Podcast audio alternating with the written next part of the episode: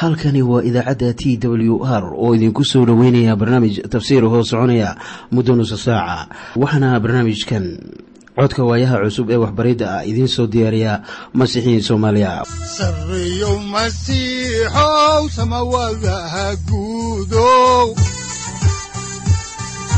Siraadkii adduunkow subanaha eebow sareyow masiixow samawadaha guudow siraadkii adduunkow subanaha eebow adigoo samaada soo saldhiganba adigoo kutubtiisanaye udanogu saaciiday sharxin sifahaaga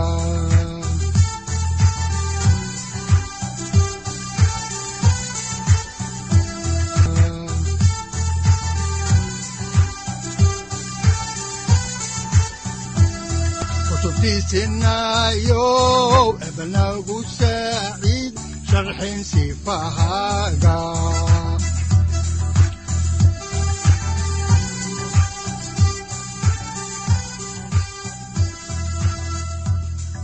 ku soo dhowaada dhegaystayaal barnaamijkeenna dhammaantiinba waxaan horay u sii ambaqaadi doonnaa daraasaadkii la magacbaxay baibalka dhammaantii kuwaasoo aynu ku eegayno dhammaan waxa ku qoran kitaabka quduuska ah ee ilaah. Waa baibalka ah waxaannu horay idinku sii wadi doonnaa kitaabka bilowgii oo ah kitaabkii koowaad ee muuse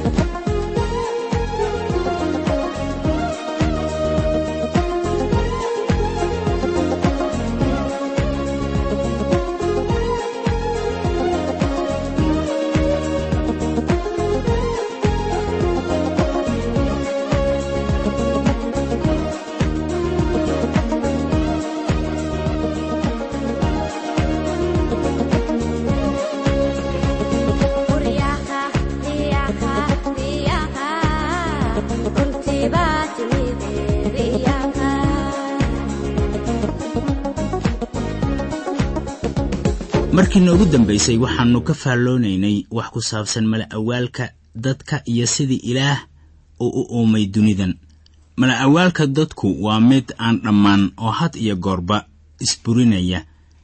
Ha yeeshee marka hore waxaad mooddaa inay ka hadlayaan wax dadka soo jiidan karaya. Ha yeeshee waxay noqonaysaa mala-awaal in dadka dunidan jooga ay ku doodaan inay garanayaan wax ka badan inta ay garanayaan hubaal ahaan. Ninka la yidhaahdo s a nagil ayaa ku yidhi gabaygiisii ma aan samayn karo bilowga ugu yar inaan wax daryeelo. Xitaa ma aan samayn karo caleenta duurka oo welibana buuraha miyaan nuuxin karaa badahase miyaan quusin karaa. Unbaa ka buuxa kuwa aan ilaah rumaysnayn kaasoo aan keenin qurux muuqata ama aan habeenka ka kor uumin maalinta ama aan u soo bixinin ilayska dayaxa si ammaan ah. Welise waxaad ku wareersan tahay kii waxyaalaha abuuray. Hadalladaas nigel oo ahaa nin gabyaa ah baa inagu toosinaya inaan aqbalno warbixin caaqibo leh oo ilaah uu ku bilaabay ereyadiisa qoran. Waxaana weeye ereyadan leh bilowgii ilaah samada iyo dhulkuu abuuray. Zabuurlaha ayaa wuxuu ku qoray zabuurka siddeedaad aayadda saddexaad hadalladan caaqibada leh. Waxaana qoran markaan ka fiirsado samooyinka farahaaga lagu sameeyey iyo dayaxa iyo xidigaha aad amartay. Waxaa kaloo ku qoran zabuurka sagaal iyo tobanaad aayadda koowaad sida tan samooyinku waxay caddeeyaan ammaanta ilaah cirkuna wuxuu muujiyaa sancadii gacantiisa.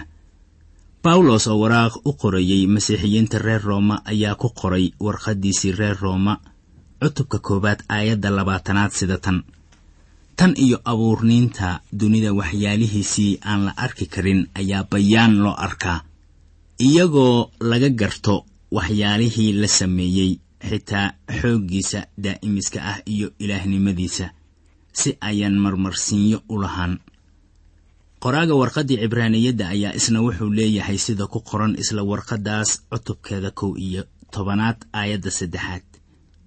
Rumaysad ayaannu ku garanaynaa in duniyooyinka lagu abuuray hadalka ilaah. Sidaas daraaddeed waxa la arko lagama samayn waxa muuqda sidaas aawadeed waa inaynu abuuristii ilaah dunida abuuray ku aqbalnaa rumaysad. Saynisku caddeen uma hayo sida walax looga sameeyey waxaan muuqan. Sida abbaarta ah ilaah ayaa ka abuuray wax muuqda wax aan muuqan. Dadkuna garan maayaan wakhtiga waxa kan la sameeyey. Markaynu isku barbar dhigno waxa baibalka kitaabkiisa bilowgii ku qoran iyo qorniinka kale ee buugagta culimmada saynisku ay qoreen waxaa inoo soo baxaya inay jiraan aragtiyo kala duwan. Quruumo badan ayaa leh qisooyin ku saabsan sidii adduunka loo abuuray iyagoo aan ogeyn wixii ilaah uu ka yidhi sida ku qoran baibalka laakiin dhammaantood qisooyinkaasi waxay u muuqdaan qisadii baibalka oo si xun loo tafsiiray. Tusaale ahaan mid ka mid ah qisooyinka ugu wanaagsan ayaa waxay ku qoran tahay ama laga helaa looxii reer baabiloon oo dhagaxa ahaa ee loo yaqaanay dhagaxii abuurista. Waxaadse ogaanaysaa tan ay ku kala duwan yihiin inay tahay in qisada looxa reer baabiloon ku qoran ay ku bilaabanayso qas iyo qalaanqul. Tan ku qoran baibalkana waxay ku bilaabanaysaa hawada iyadoo wax walibana ay dhammaystiran yihiin oo waxaa qoran bilowgii ilaah samada iyo dhulku abuuray. Laakiin markii aynu eegno waxaa ku qoran looxii dhagaxa ahaa ee reer baabiloon ayaad arkaysaa in waxyaabaha samada sare ka muuqda ay u ahaayeen ilaahyo ay caabudaan. Laakiin markii baibalka aad eegto waxaad arkaysaa in waxyaabaha samada sare ka muuqda ay walxo un ku siman yihiin oo aan la caabudin markii aad eegto taariikhdii hore ee reer baabiloon iyo diintoodii waxaad ogaanaysaa inay rumaysnaayeen ilaahyo fara badan. Laakiin baibalka ayaad ku arkaysaa in hal ilaah oo qur ahi jiro. Qisada reer baabiloon waxay leedahay dunidan waxa weeye sancada nin farsamo yaqaan ah. Laakiin baibalku wuxuu leeyahay ilaah baa hadlay oo iyana way abuurantay qisada reer baabiloon ee ku qoran looxaas dhagaxa ka samaysan ayaa waxaa ku badan nacasnimada iyo habacsanaan iyo daldaloollo fara badan. Balse baibalka wuxuu ino horkeenayaa xaqiiqo dhan oo ku saabsan ilaaha abuuraha ah kaasoo quduus ah oo welibana badbaadiye inoo ah. Markaad eegto qisada reer baabilon ay qorayaan waxaad arkaysaa inaanay dariiq toosan qaadaynin ama ku soconaynin oo wax cilmi saynis ahna kama muuqdaan laakiin baibalku wuxuu waafaqsan yahay sayniska dhabta ah. Waxaan idiin sheegayaa inaan anigu ka soo horjeedo masaalka nolosha meermeerta. Waayo masaalkaasu wuxuu ka soo horjeedaa ilaah iyo muujinadiisa. Wuxuu kaloo dafirayaa in dadku ay dembaabeen iyo xaqaa'iqa dembiga waxaa kaloo masaalku uu ka soo horjeedaa dhalashada ciise masiix uu ka dhashay fikraddii maryama. Sababtaas aawadeed waxaan aniguna ku diidanahay waxbariddaas ruuxayga iyo maankayga oo dhan.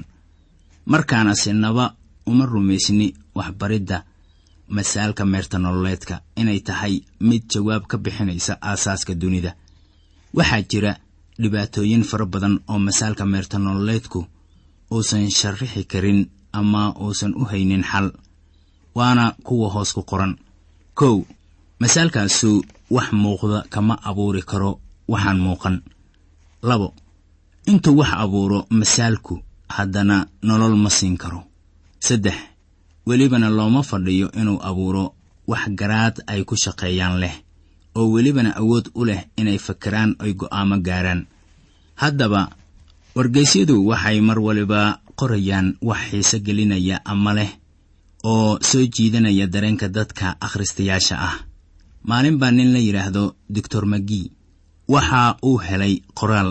Qoraalkaasu wuxuu ka hadlayey xayawaan noolaa sannado badan ka hor oo la yidhaahdo dinosaris waxaa kaloo halkaasi lagu arkay wax kale oo yaab badan. Waxaa lagu arkay halkaas raad qof weyn oo bini'aadan ah waxaana laga helay meel ku dhow meeshii ay ka heleen bahalka ugu weyn inta la og yahay oo la yidhaahdo dinosor oo gebi ahaanba ka xaaqmay dhulka haatan. Markaasoo arki maysid waxa ay nimanka cilmi sayniska ku horreeya ay qorayaan oo dhaniba waa sheekooyin khayaali ah. Way dhib badan tahay in la yidhaahdo noloshu waxay ku bilaabantay noole u yar sida bakteriyada caloosha gasha ee la yidhaahdo amoeb dabeetana noqonaysa shay u weyn sida dinosariska iyo raadkii la sheegay inuu bini'aadmi ahaa ee weynaa ee halkaasi lagu arkay. Waxaana la sheegayaa inaan ilaa iyo haatan la haynin cid lagu masaali karo ama loo nisbayn karo inay raadkaas leedahay.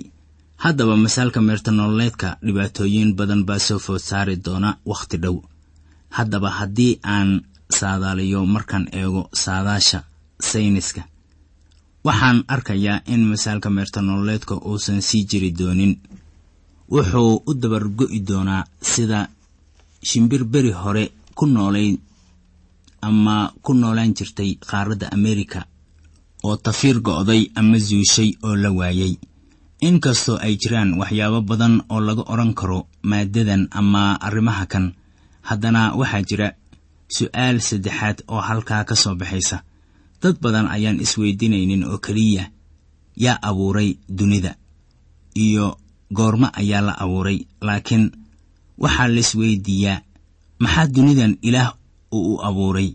Su'aashaasuna waa muhiim. Markaan eegno hadalladii ilaah ayaa laynoo sheegayaa in ilaah dunidan uu u abuuray jacayl uu dareemay markaas aawadeed. Wuxuu jeclaaday inuu dunidan uumo. Kitaabka ugu dambeeya ee loo yaqaano muujintii ciise masiix ee yooxanaan loo muujiyey cutubka afraad aayadda kow iyo tobanaad ayaa waxaa ku qoran rabbigayagow ilaahayagow adigu waad istaahishaa inaad heshid ammaanta iyo cabsida iyo xoogga waayo wax kasta adaa abuuray. Maxaa yeelay doonistaada aawadeed ayay u ahaadeen oo ay u abuurmeen. Ilaah baa dunida abuuray waayo wuxuu jeclaa inuu wax uumo ilaah wuxuu dadka ku abuuray dunidan si ay isaga wehel ula ahaadaan. Sida abbaarta ah adiga ma ahan kan dunida jeclaaday laakiin waa ilaah kan dunida jeclaaday. Sida ku qoran injiilka sida yooxana uu u qoray cutubka saddexaad aayadda lix iyo tobanaad. Oo leh ilaah intuu dunida jeceyl u qabay ayuu siiyey wiilkiisa keliya oo dhashay. In mid kastoo isaga rumaystaa uusan lumin laakiinse uu lahaado nolosha weligeed ah. Ilaah ima uusan weyddiin halka dunidan yar ee aan ku noolahay looga fadhiisinayo carshiga weyn ama koonka ilaah. Weliba ima uusan weyddiin halkii aan ku dhalan lahaa haddii ay ahaan lahayd soomaaliya etoobiya ama kenya. Dabcan haddii lay weyddiin lahaa halkee baad doonaysaa inaad ku dhalato. Waxaan odhan lahaa soomaaliya. Ha yeeshee laynama siinin fursado aynu wax ku dooranno. Waxaan idinku odhanayaa waxaa carshigan weyn loo abuuray jacayl ilaah u jeclaaday inuu sidaas yeelo. Wuxuu arkay inay hagaagsan tahay inuu abuuro uuna jeclaystay ficilkiisii uu sidaas ku sameeyey.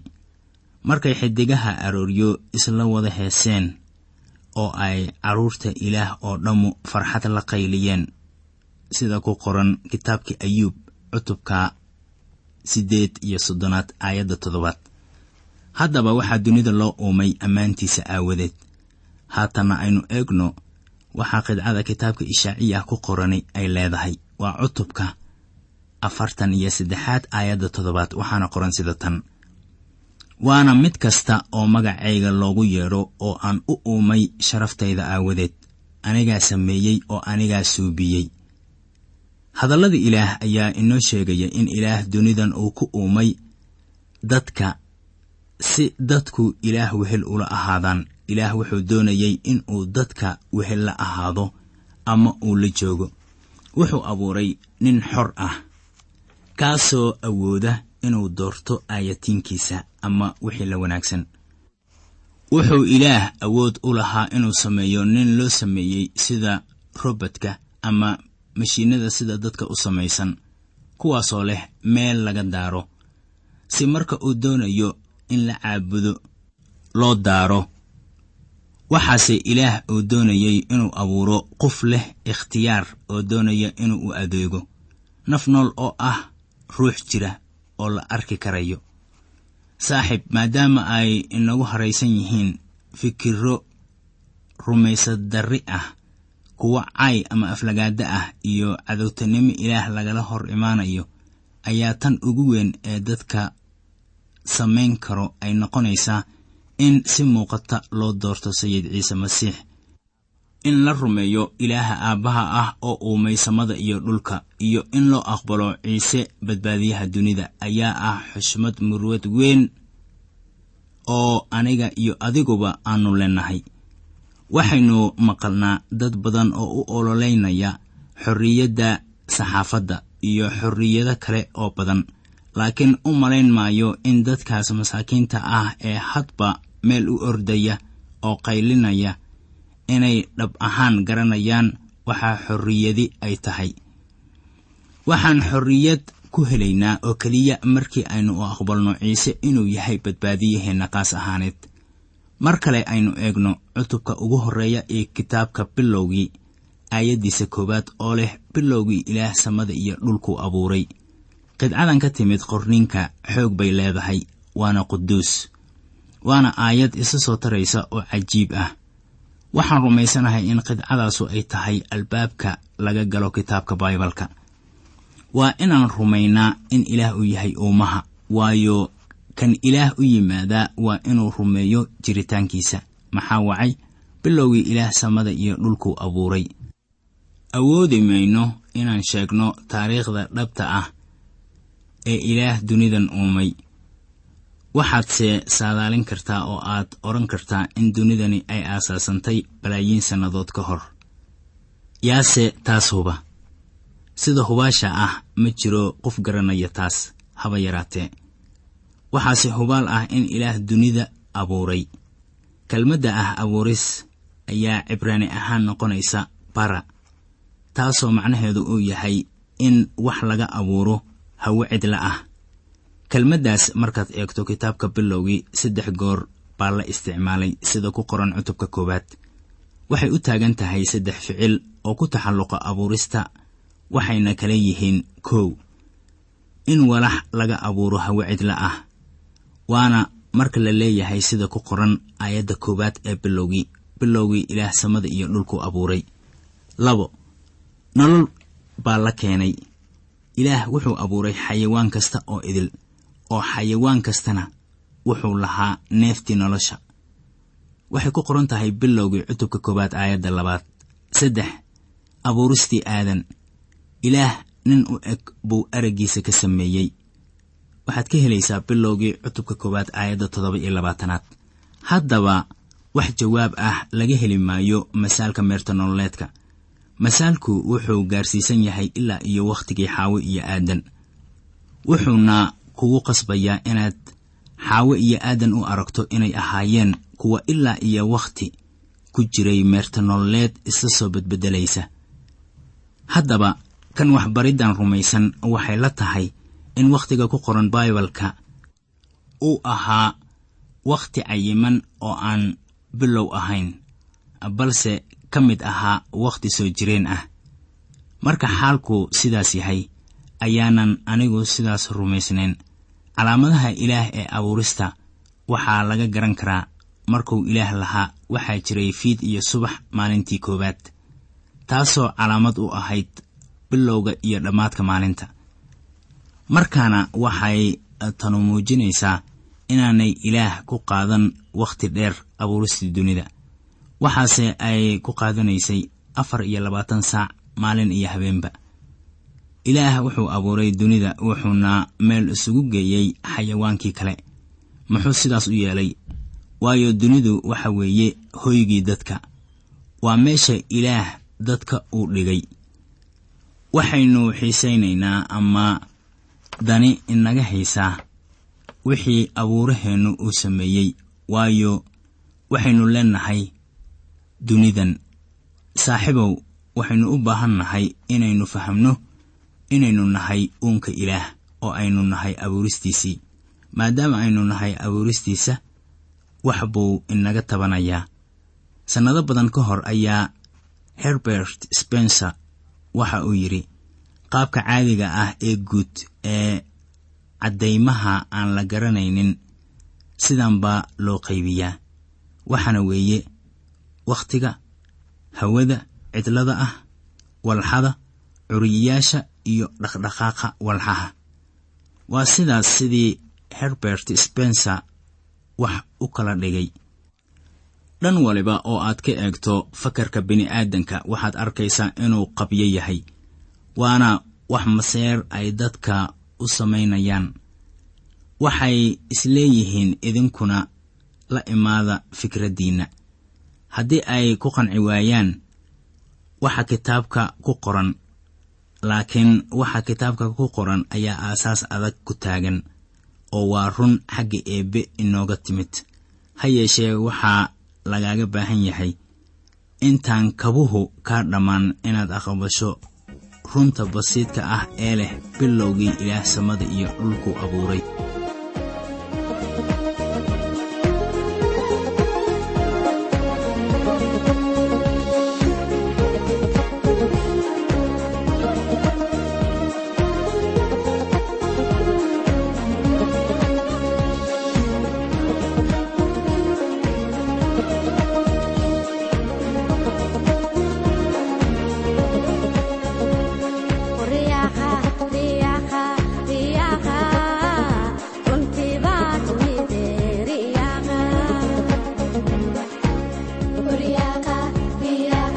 Be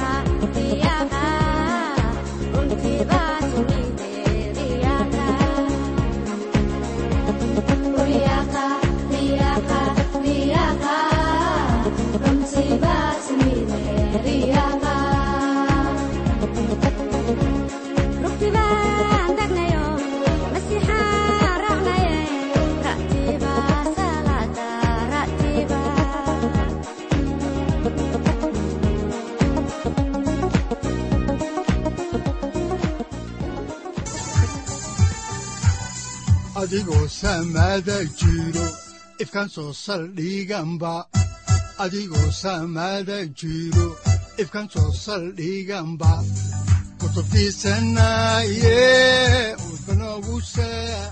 halkani waa t w r idaacadda t w r oo idinku leh ilaa ha idin barakeeyo oo ha idinku anfaco wixii aad caawi ka maqasheen barnaamijka.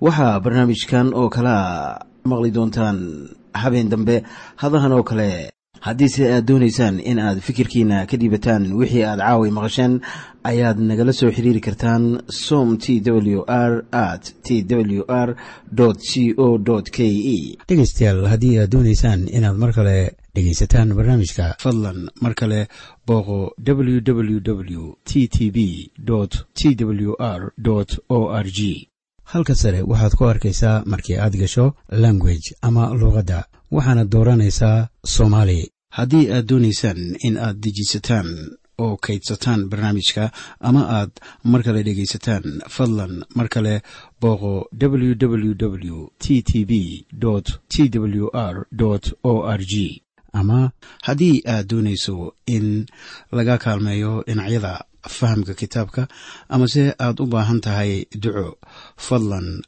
fariimahaaga soo mari bogga aaraahda ama kommentska inana jawaab degdeg ah ayaanu ku soo diri doonaa amase ku siin doonaaye. Sareyow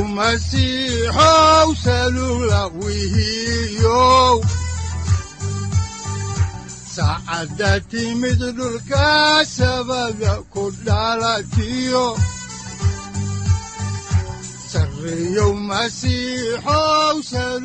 halkani waa t w r oo idiin rajaynaya habeen baraare iyo barwaaqaba leh inta aynu ka gaari doono wakhti aynu ku kulanno barnaamij la mida kan caawayay aad maqasheen. Waxa aan idinku leeyahay nabadda ciise masiix ha idinku badato xagga jidhka iyo ruuxaba. Aamiin